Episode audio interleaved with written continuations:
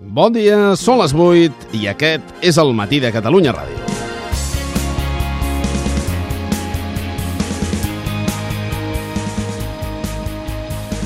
Les paraules de Josep Antoni Duran i Lleida al matí de Catalunya Ràdio ara fa tres dies han provocat una forta polèmica a Siu. Duran apostava per ajornar la consulta més enllà del 2014 per les difícils circumstàncies socioeconòmiques.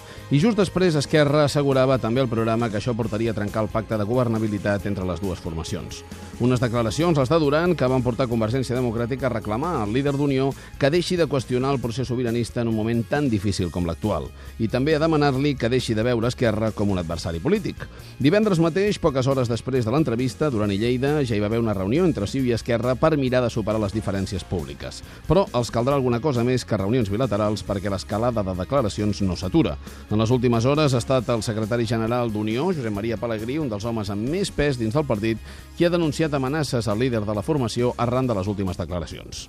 O millor demanaria que deixin d'amenaçar a Unió Democràtica i a dirigents d'Unió Democràtica, especialment en els últims dies una amenaça al senyor Duran Lleida, dir, escolti, Duran, si segueixes així prendràs mal.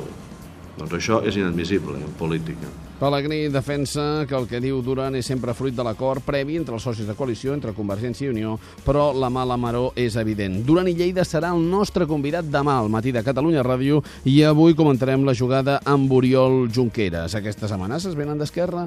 Tampoc hi haurà pau al PSC. L'exconseller d'Economia insisteix a qüestionar el model federal proposat des de l'actual direcció. Per Antoni Castell són els partits espanyols els que haurien de proposar la reforma federal perquè Catalunya ja ha plantejat moltes opcions a Espanya sobre quin model de l'estat vol i no se n'ha sortit. Per Castells, en declaracions al 324, l'objectiu és el dret a decidir i el que cal és altesa de mires per evitar les divisions als partits catalans. Pel que fa a la relació amb Espanya, l'objectiu avui és el referèndum. Per això a mi em sembla un error posar com a objectiu avui la independència. Si això fos un tràmit, li diria, bueno, d'acord, parlem de la independència.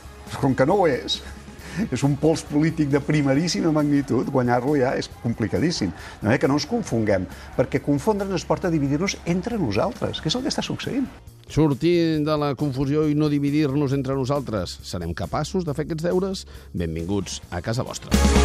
El matí de Catalunya Ràdio, amb Manel Fuentes.